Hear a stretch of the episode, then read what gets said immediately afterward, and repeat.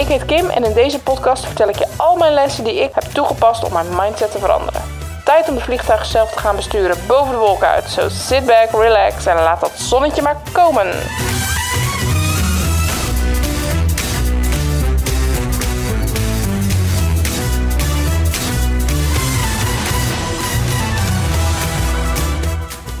Ja, welkom bij de mega superhandige bonusaflevering over HSP. Olé! Nee, maar zonder dolle. Ik wil graag een extra aflevering maken over hoogsensitiviteit. Deels omdat ik denk dat het een belangrijk puzzelstukje is voor wie ik ben, maar misschien ook anderen wat inzicht kan geven over wat het is. Misschien herken je jezelf of iemand in je omgeving er wel in en helpt het je iets, who knows. Het is, net als al mijn afleveringen, voornamelijk gebaseerd op wat ik ervaringsgewijs heb geleerd. Maar er zijn massa's boeken en websites over te vinden, dus mocht je meer vragen hebben, dan kun je zeker online verder op zoek. Mijn bonusafleveringen zitten iets anders in elkaar. Ze staan los van de grotere podcast en hebben dus ook geen wonder aan het eind. En gaan over onderwerpen waarvan ik denk dat het interessant is om iets meer over toe te lichten. Of dingen die ik net ontdekt heb en waar ik graag over wil delen. Nou, en zoals de goede spreekbeurt betaamt, begin ik met de inhoudsopgave. Ik leg in deze bonusaflevering uit hoe ik erachter kwam dat ik HSP'er ben. Wat hoogsensitiviteit precies is, of hoe ik het tenminste begrijp. Over wat vaak niet lekker werkt als HSP'er op gemiddelde activiteiten, dus wat energie kost. Maar ook wat wel lekker werkt, tenminste voor mij. Maar misschien ook wel voor jou. Want aan het eind heb ik een hilarische pubquiz gemaakt over HSP. Nee, sorry, grapje. Maar ik heb wel een soort checklist die vaak in HSP-boeken staat. Zo kun jij ontdekken of jij misschien ook HSP'er bent. Oh, en geen paniek als er dan straks dus de ja uitkomt, want bijna 20% van de wereldbevolking is hoogsensitief. En grappig genoeg ligt het gelijk in het dierenrijk ah, bij dieren die in groepen leven. Het zijn zeg maar de 20% hertjes die als eerste hun oortjes omhoog doen in een kudde wanneer er een puma aankomt. hey, en dat zijn wel de hertjes die ervoor zorgen dat die hele kudde niet wordt opgegeten, hè? En dat die hertjes een beetje in de minderheid zijn en de puma's niet meer op de loer liggen, dat maakt ze niet minder belangrijk. Nou, het korte verhaal is dus eigenlijk: komt goed, je bent nooit alleen. En dan nu het lange verhaal. Die ik begin bij mijn begin.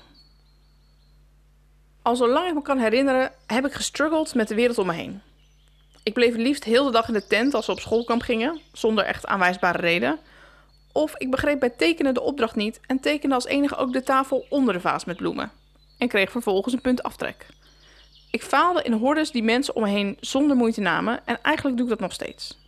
Ik ga niet lekker op staattafelfeestjes. Ik word heel snel arilex van onverwachte drukte en je zult me ook niet snel in een pretpark tegenkomen.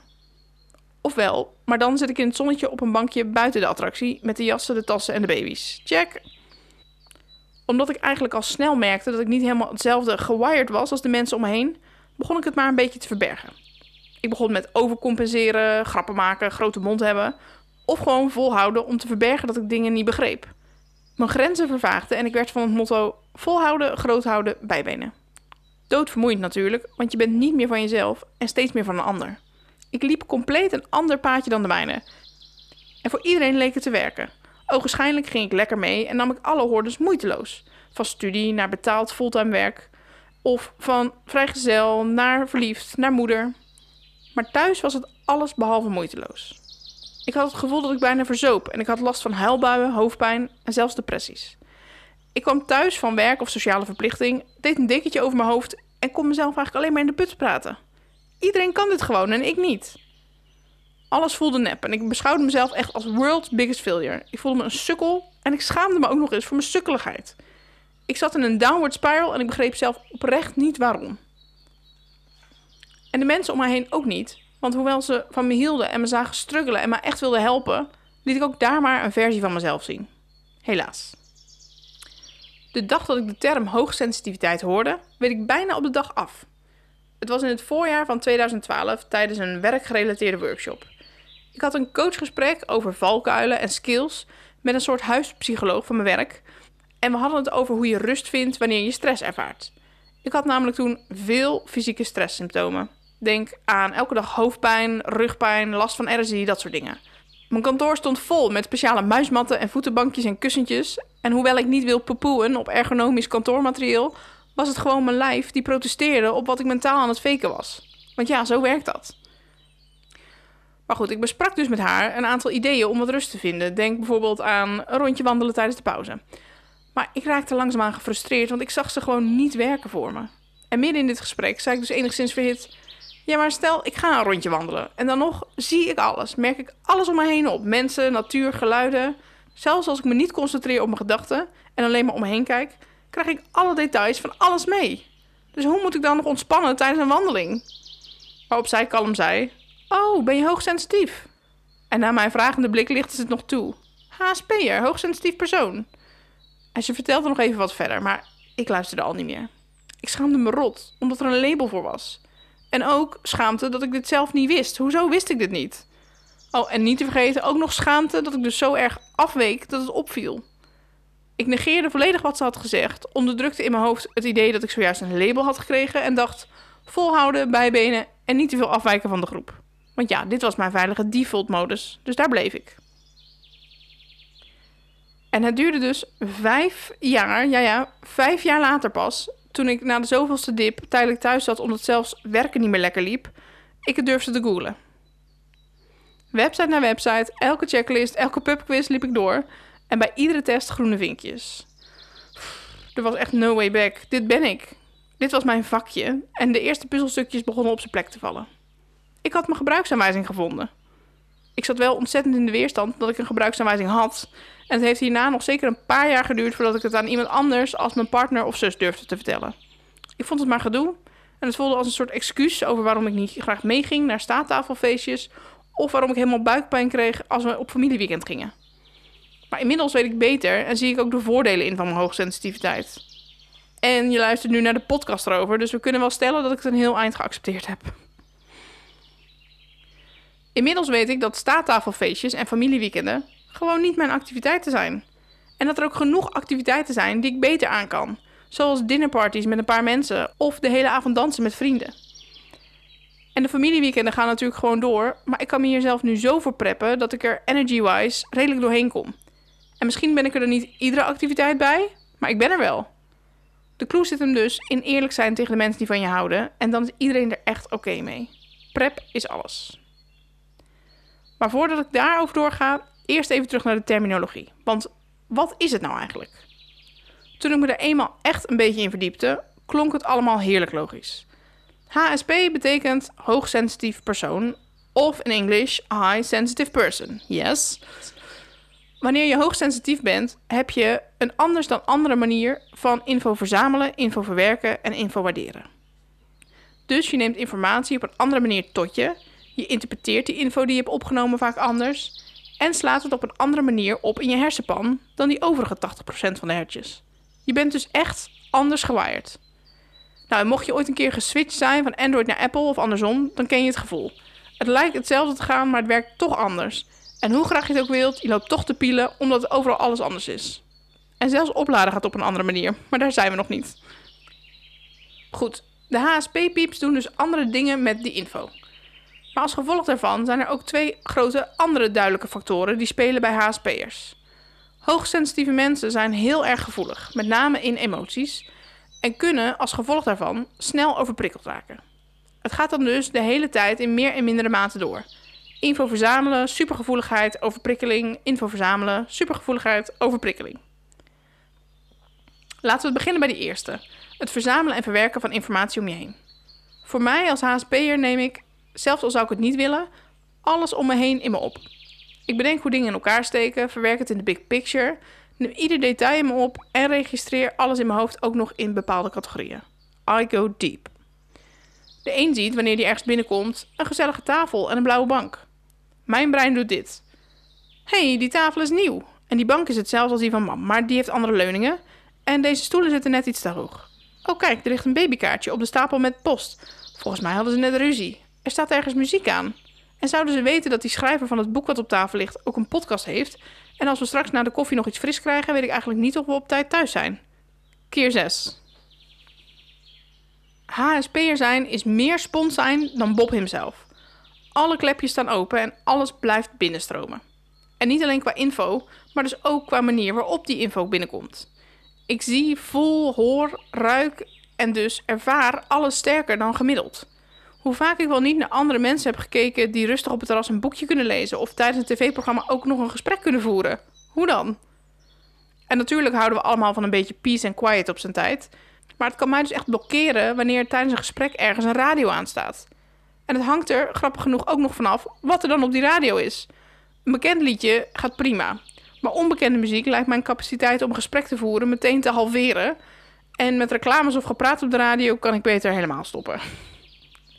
En ik kom straks terug over hoe het kan dat HSP'ers überhaupt nog functioneren in het dagelijks leven. Maar ik ga eerst even door met de termen. Het resultaat van al die openstaande klepjes is er eentje die we allemaal denk ik wel in meer of mindere mate hebben meegemaakt. Overprikkeling. Overprikkeling is de emmer die overloopt met lichte kortsluiting tot gevolg. Je bent te ver gegaan, je grens over en de batterij moet weer opgeladen worden.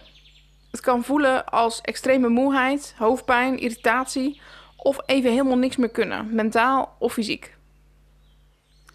Bij mij start overprikkeling met de classic fysieke stresssignalen. Hoofdpijn, zere nek, moeheid. Ook zijn mijn gevoelens licht ontvlambaar geworden. Ik ga van blij naar boos, naar verdrietig, naar super annoyed en naar paniek enzovoort enzovoort. Maar meestal valt bij mij het kwartje pas dat ik te ver ben gegaan wanneer ik niet meer kan kiezen. Amai, met een volle emmer metamorfose ik in mistwijfel. Simpele dagelijkse keuzes zijn al te veel. Wat voor thee wil ik drinken? Welke e-mail beantwoord ik als eerste? Doe ik wel of geen mascara op? Prioriteiten zijn me geheel onduidelijk en ik ben compleet besluitloos geworden. Ik kon, voor ik deze signalen herkende en erop kon bijsturen, mezelf compleet in paniek krijgen tijdens dit soort momenten. Bijvoorbeeld na het werk een uur door de supermarkt lopen om iets te eten te zoeken, niet kunnen beslissen, uiteindelijk dus niets kopen, omrijden richting de snackbar, parkeren, maar niet naar binnen gaan, want eigenlijk ook geen goede keuze. Dus naar huis rijden en dan online eten uitzoeken totdat je alle opties hebt bekeken, maar toch niks hebt besteld en uiteindelijk een eindje bakken om 9 uur s avonds met een steen in je maag. Uren verspeeld en geen stap verder. Nou, dit zijn kleine dingen waar je zelfbeeld dus van compleet naar de haaien gaat. Want hoe moet je in godsnaam iets van je huis of je werk of je relaties of je leven maken wanneer je niet eens kunt kiezen wat je eet? Jarenlang was ik dus overprikkeld en mezelf hierover in de put aan het praten. Terwijl het met de juiste backup in de vorm van een plan of een persoon eigenlijk best snel goed kan komen. Als ik nu al merk dat ik hoofdpijn krijg, moeite heb met dingen besluiten en mezelf ook begin af te sluiten voor anderen, geef ik mijn omgeving een heads-up. Joe, geef mij even duidelijke instructies of laat me even met rust. Maar ik wil nu even geen vragen beantwoorden of dingen besluiten. Ik geef de regie dus letterlijk even uit handen om mezelf niet te overbelasten. Mijn to-do-lijst voor de dag wordt verkort naar slapen en eten. En alles wat ik nog gedaan krijg is bonus. In het begin voelde overprikkeling voor mij als een soort straf vanuit mijn lichaam. Alsof het mijn eigen schuld dikke bult was dat de emmer overliep. Had ik dan niet gezien hoe vol die al zat? En mega onaardig om zo tegen jezelf te praten, maar ik was er nou eenmaal een beetje gewend. Ik was super slecht in niet-HSP'er zijn. Et voilà, in HSP'er zijn was ik ook aan het falen. Hoppa. Maar wat ik geleerd heb, die emmer is iedere keer een ander formaat. De ene keer past er veel meer in en de andere keer is hij zo vol. En die realisatie heeft echt even geduurd, lieve mensen. Het ligt niet aan mij, maar aan een shapeshifting magische emmer die zijn eigen plan trekt. Geen wonder dat het overlopen van die emmer me dus steeds overvalt. En langzaamaan begin ik nu te accepteren dat dit dus oké is. En dat het niet laten overlopen van mijn emmer geen doel op zich is. Die emmer mag gerust eens overlopen. En ook dan ben ik oké. Die emmer is namelijk een hulpmiddel. En soms vervelend, maar ook echt een fantastische manier om mijn grenzen in kaart te brengen. Een volle emmer vertelt me namelijk dat ik te ver ben afgedwaald van mijn paadje en als de sodemieter terug moet gaan naar wat voor mij goed is. En misschien denk je nu, nou hoe is het nou mogelijk dat je als HSP'er nog functionerend door het leven kan gaan? En misschien ben je ook wel een HSP'er en denk je, hoe moet ik nou eigenlijk functionerend het leven door? Want zo far klinkt het nog niet echt als een feestje wel. Het punt is, je bent er zelf bij. Dus je kunt ook zelf ingrijpen. Voor HSP'ers is energie beschermen en bewaken key. Alles wat je doet en voelt en ervaart is deel van je eigen persoonlijke energiehandleiding. Dus neem die ook serieus. Het is dus slim om eens te ontdekken wat jouw energie kost en die op een rijtje te zetten. Ik kan globaal zeggen dat dingen die mij energie kosten de volgende elementen bevatten. 1. Het is iets nieuws. Nieuwe muziek, nieuwe mensen, nieuwe omgeving, nieuwe taken. Alles wat nieuw is, moet namelijk worden toegevoegd in die collectie in mijn hoofd. En dat kost tijd en energie. 2. Wanneer iets onverwacht of ongepland is, moet ik ook energie inleveren. Want ik val dan terug in mijn default modus. Bijbenen volhouden meedoen. En dat is vaak niet de modus die voor mij werkt en energie kost. 3. Wat mij bakken met energie kost, is wanneer er een bepaald doel mij niet duidelijk is. Ik wil namelijk weten waarom ik iets doe. Waarom krijg ik deze taak? Wat wordt er precies van mij verwacht? Simpelweg, waarom? Ik heb nodig om te weten wat het nut is. Anders doe ik gewoon niet meer mee. Ik blokkeer. Dan. De vierde is er één die misschien meer mensen herkennen, want deze wordt veel genoemd. Iets wat ook veel energie kost, is wanneer er veel gaande is. Veel kleuren, veel geluid, veel keuzes, veel mensen, veel te zien. Gewoon veel. Ook dit heeft te maken met het verwerken van die informatie en dat kost dus weer extra energie. En de vijfde, als laatste wat veel energie kost, zijn big emotions. Ruzie, boosheid, angst, verdriet. Eigenlijk alle emoties die, zoals we op de kleuterschool zeggen, rood zijn. Als mensen om me heen een sterke uitbarsting hebben in een bepaalde emotie, dan voel ik dat. En als ik mezelf niet een beetje afscherm, komt dat ook in alle hevigheid bij mij aan en kost mij dat ook energie. Ik vermijd dus ook ruzies, ik zal niet snel ergens tussen springen. En ik ben absoluut van het flight not fight gedeelte van deze samenleving. Ik heb eens een vriend gehad die snel kwaad kon worden en dan ineens echt heel boos kon zijn om iets. En dan zodra het eruit was, uit zijn systeem, kon hij weer verder. En ik had dat dan dus niet. Dus ik zat dan nog goed een uur of een, de hele avond of de hele nacht nog met die emotie van hem opgescheept. Fun. Maar geen nood, er zijn dus ook heel veel manieren om jezelf te beschermen tegen het leeglopen van je batterij. En eigenlijk is het samenvattend maar één woord: prep. Voorbereiding is alles. Je kunt je namelijk voorbereiden op activiteiten, bepaalde locaties, op gebeurtenissen en je kunt ook de mensen om je heen preppen op wat ze kunnen doen om jou te helpen. Zoek uit wat jou helpt om activiteiten goed door te komen. Ik prep mezelf vaak door te weten wat we precies gaan doen en met wie we wat gaan doen, zodat ik weet dat ik me alleen maar hoef te focussen op mijn bubbel, zo gezegd. Dus een rondje markt is geen probleem als ik weet met wie ik ga, dus op wie ga ik me focussen en wat we precies wel of niet nodig hebben. Maar zonder plan alleen de markt over op zoek naar boodschappen is echt de manier om mijn batterij snel leeg te krijgen. En soms zijn bepaalde activiteiten het leeggaan van die batterij helemaal waard. En zorg je er gewoon voor dat je daarna lekker rustig je batterij kunt opladen. Dat is ook prep, hè?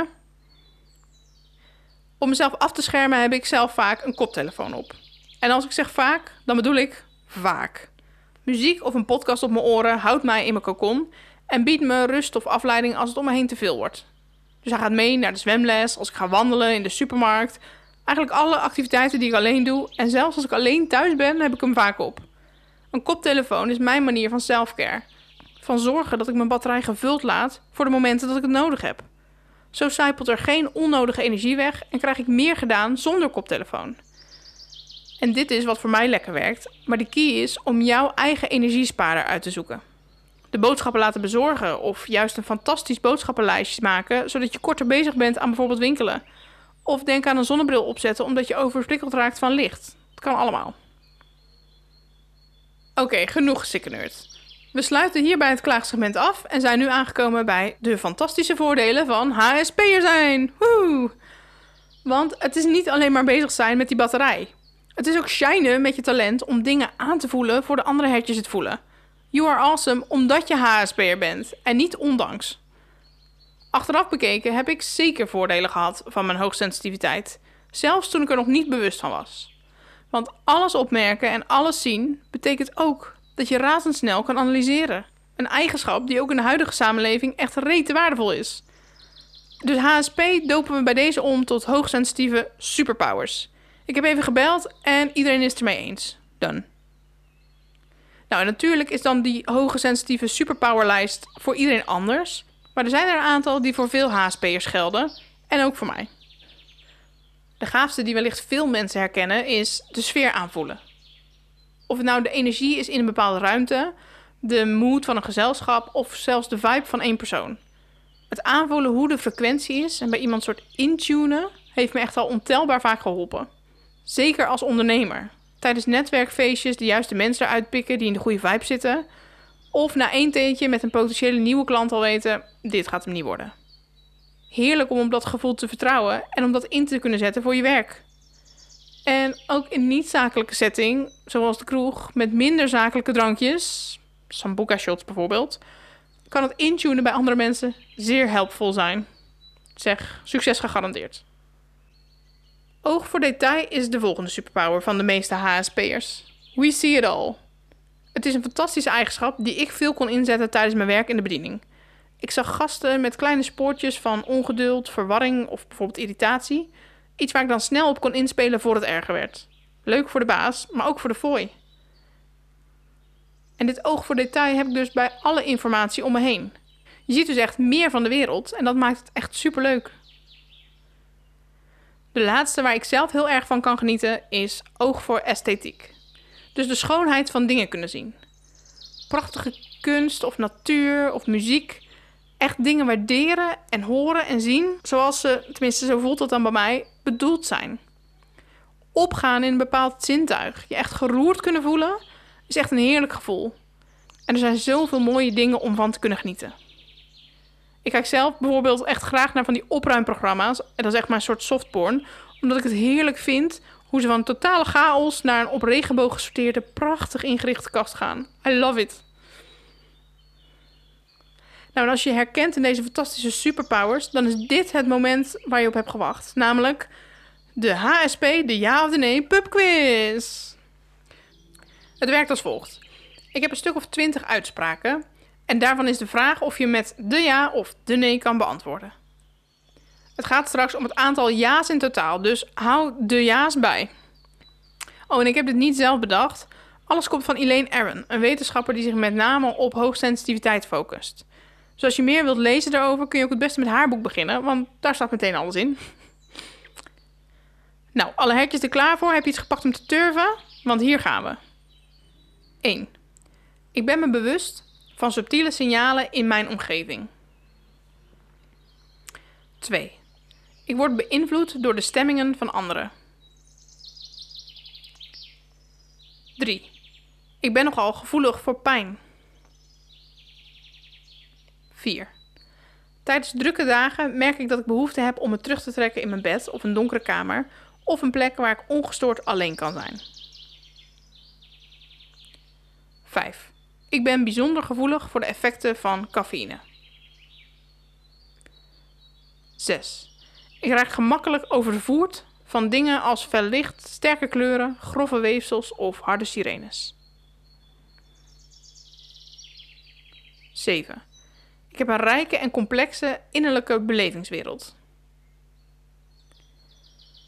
8. Ik voel me niet op mijn gemak bij harde geluiden. 9. Ik kan diep geroerd raken door kunst of muziek. 10. Ik ben conscientieus. En volgens het wereldwijde web is dat zoveel als zorgvuldig en met aandacht. 11. Ik schrik gemakkelijk. 12. Ik voel me opgejaagd als ik veel moet doen in een korte tijd. 13. Als mensen zich in een fysieke omgeving niet prettig voelen, weet ik meestal wat er moet gebeuren om dat te veranderen. Bijvoorbeeld het licht te dimmen of meubilair verplaatsen. 14. Ik raak geïrriteerd als mensen proberen me veel dingen tegelijkertijd te laten doen. 15. Ik doe erg mijn best om te voorkomen dat ik fouten maak of dingen vergeet. 16. Ik kijk uit principe niet naar gewelddadige films of tv-shows. 17. Ik voel me ongemakkelijk als er veel om me heen gebeurt.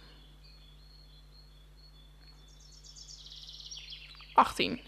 Als ik erg honger heb, heeft dat sterke invloed op mijn concentratievermogen of op mijn humeur. 19. Veranderingen in mijn leven brengen mij van mijn stuk. 20. Ik heb een neus voor delicate geuren, smaken, geluiden en kunstwerken en geniet daarvan. Nog drie. 21. Het vermijden van situaties die mij van streek maken of overbelasten heeft bij mij een hoge prioriteit. 22. als ik met iemand de competitie aan moet gaan of er op mijn vingers wordt gekeken, word ik zo nerveus of gespannen dat mijn prestaties veel minder zijn dan gewoonlijk. 23. Als kind werd ik door mijn ouders of leraren gevoelig of verlegen gevonden. Oké, nou, je mag dus nu even tellen hoeveel ja's je hebt. Ik zal heel even wachten. Nou, en als dat er dan 14 of meer zijn, dan behoor je dus ook tot die 20% van die hoogsensitieve hertjes. En mocht dit nou jouw eye-opening moment zijn dat je een HSP'er bent, geen paniek. You've got this. Lees er eens rustig een boek over of luister naar een podcast. Maar wacht er in godsnaam niet nog eens vijf jaar mee voordat je jezelf wat beter leert kennen. En onthoud ook, het ligt niet aan jou. Je hebt er totaal geen invloed op dat je HSP'er bent. Dat je anders gewired bent of dat je emmer gekke fratsen vertoont. Het is niet jouw schuld en het is geen falen. Nou, zodra je dit wel denkt, stuur me meteen een berichtje, want ik praat het echt uit je hoofd. En dan duurt het nog maar heel even en dan zie je wat ik zie. Namelijk iemand die fantastische dingen voelt en ervaart en ziet en maakt omdat je superpowers hebt. Nou, mijn HSP-reis is natuurlijk ook nog maar net begonnen.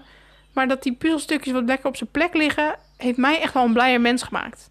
Dus zoek rustig je puzzelstukjes bij elkaar en take your time. Maar begin wel lekker met puzzelen. Nou, lieve hertjes, dit was het bonussnackje. Volgende keer weer een gewone aflevering die iets minder over mij gaat, maar wel weer over de wereld om ons heen. En hopelijk hoor ik je dan. Dankjewel, doei, adios.